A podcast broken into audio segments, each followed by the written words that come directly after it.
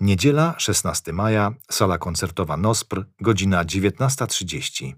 Transmisja internetowa na stronie nospr.org.pl. Aleksander Mielnikow, fortepian. Program. Franz Schubert, Fantazja Cedur Wędrowiec.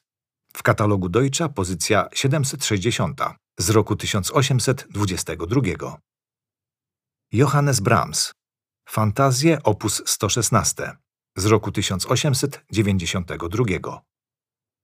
Aleksandr Skriabin, Fantazja Hamol op. 28 z roku 1901. Stanisław Kosz. W kręgu romantycznej fantazji. W naznaczonej racjonalnym myśleniem epoce muzycznego klasycyzmu gatunek fantazji nie cieszył się szczególnym uznaniem twórców. Fantazji Haydna, Mozarta czy Beethovena nie będzie wiele. Romantyzm przyniesie odmianę. Bodaj właśnie w fantazji najpełniej wyrazi się też duch nowej epoki. Wyjście poza ograniczony krąg tu i teraz. Klasyczna sonata więziła romantycznego twórcę. Fantazja wyzwalała.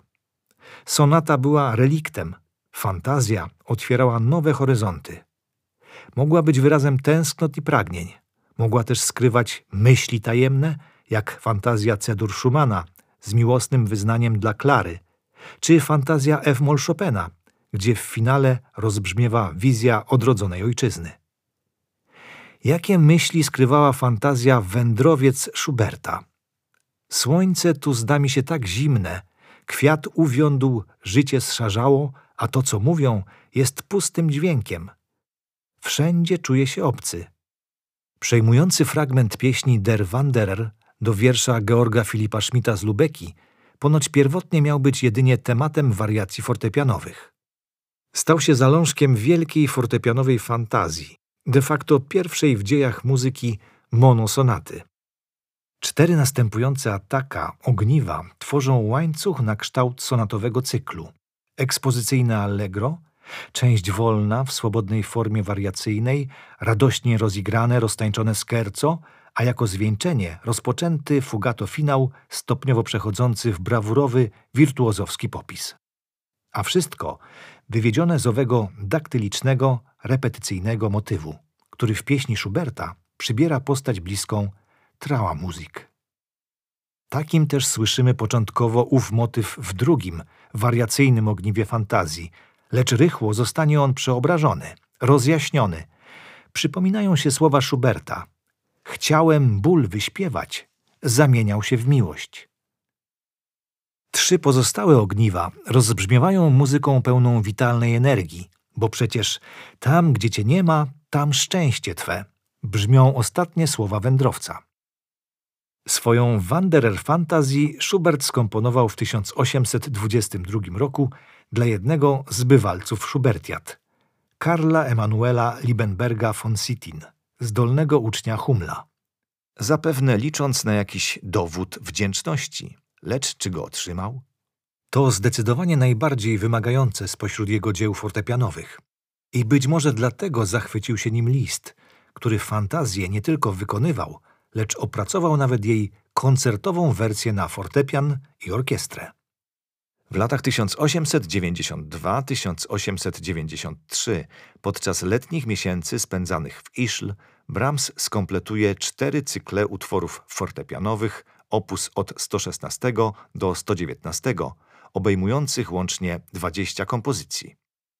To już czas Brahmsa dzieł ostatnich. Siedem utworów, trzy capriccia i cztery intermezzi tworzy opus 116, które kompozytor objął wspólnym tytułem Fantazjen. Capriccia są bardziej uzewnętrznione, dynamiczne, momentami wręcz drapieżne, sygnowane określeniami energico, passionato, agitato. Z kolei w intermezzi tempa są spowolnione. Ich ton staje się solilokwialny.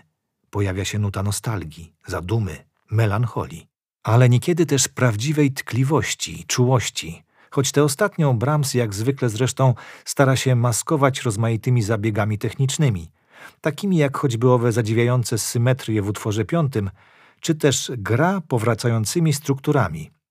Akord septymowy zmniejszony.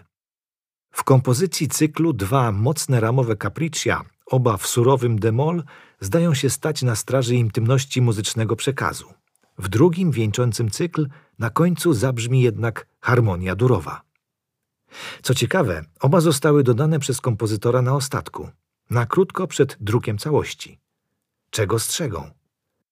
Owym najcenniejszym skarbem w opus 116 Brahmsa zdaje się być środkowe Intermezzo E-dur, które pierwotnie posiadało tytuł Nocturn, w ostatnim momencie przez kompozytora usunięty.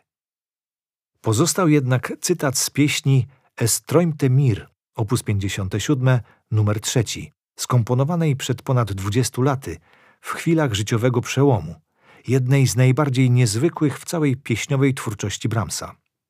Oto jej słowa. Śniłem, że jestem ci drogi, nie potrzebowałem jednak przebudzenia. Już we śnie czułem, że jest to sen. Tylko tyle. Czy myślał o Klarze Schumann? O jej córce Julii, której nie było mu dane poślubić? O swoich późnych fortepianowych utworach Brahms powiedział kiedyś, iż są kołysankami jego bólu. Słuchając intermezza Edur, doświadczamy tego aż nadto wyraźnie. Swoisty paradoks, czy też po prostu pech fantazji Hamol-Skriabina, skomponowanej w 1901 roku, tkwi w tym, iż sytuuje się ona pomiędzy dwoma uznanymi arcydziełami kompozytora. Przed nią idzie monumentalna, czteroczęściowa trzecia sonata Fis-moll, kończąca się symbolicznym upadkiem powstającego ducha, owego człowieka Boga. Po niej czwarta sonata Fis-dur, de facto już jednoczęściowa, której finał rozbrzmiewa potężną apoteozą. Fantazji H-moll przypada niewdzięczna rola dzieła przejściowego, stojącego po środku. Pianistycznie jest imponująca.